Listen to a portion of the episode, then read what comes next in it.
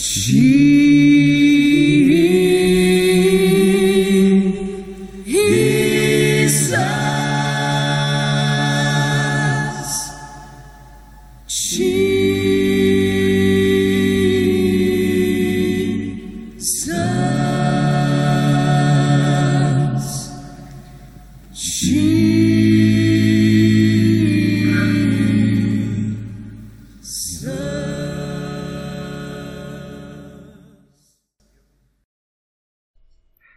Välkommen till en spännande resa med Jesuspodden.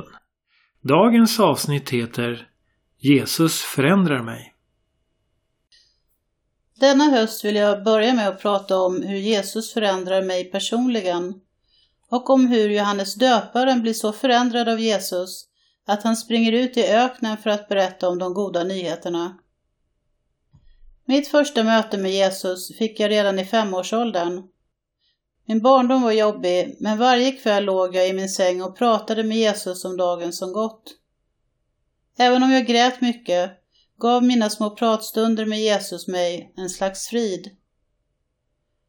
Så funkar det även idag. Jesus förändrar mitt oroliga inre genom sin frid. Eftersom just jag har fått kämpa mycket med oro och ångest är vågorna av frid som Jesus låter skölja över mig det som jag längtar efter allra mest. I Markus evangeliet läser jag idag om Johannes döparens första möte med Jesus. Denne vilde predikant förklarar för sin publik att bara Jesus kan förändra dem i grunden. Lyssna nu så får du höra. Johannes döparen uppträdde i ödemarken och förkunnade ett dop som förvandlar livet och leder till syndernas förlåtelse. Folk från Judeen och Jerusalem skockades runt honom och bekände sina synder och blev döpta av honom i Jordanfloden som början på ett nytt liv. Johannes gick i en kamelullsskjorta som han knöt om livet med en läderrem och han levde på gräshoppor och vildbinas honung. När han förkunnade sa han Det har inte börjat på allvar än, Stjärnan i det här dramat, där jag bara är en statist, kommer att förändra era liv för alltid. Jag döper er här i floden och ger er kungarikets liv i utbyte mot ert gamla liv.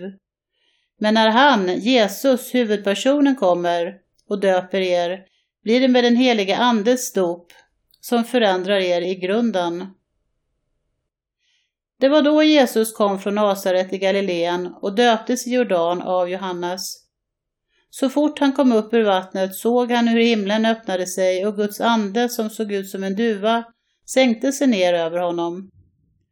Och tillsammans med duvan hördes en röst uttalas över Jesus.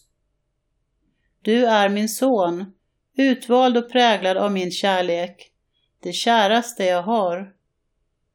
Jesus.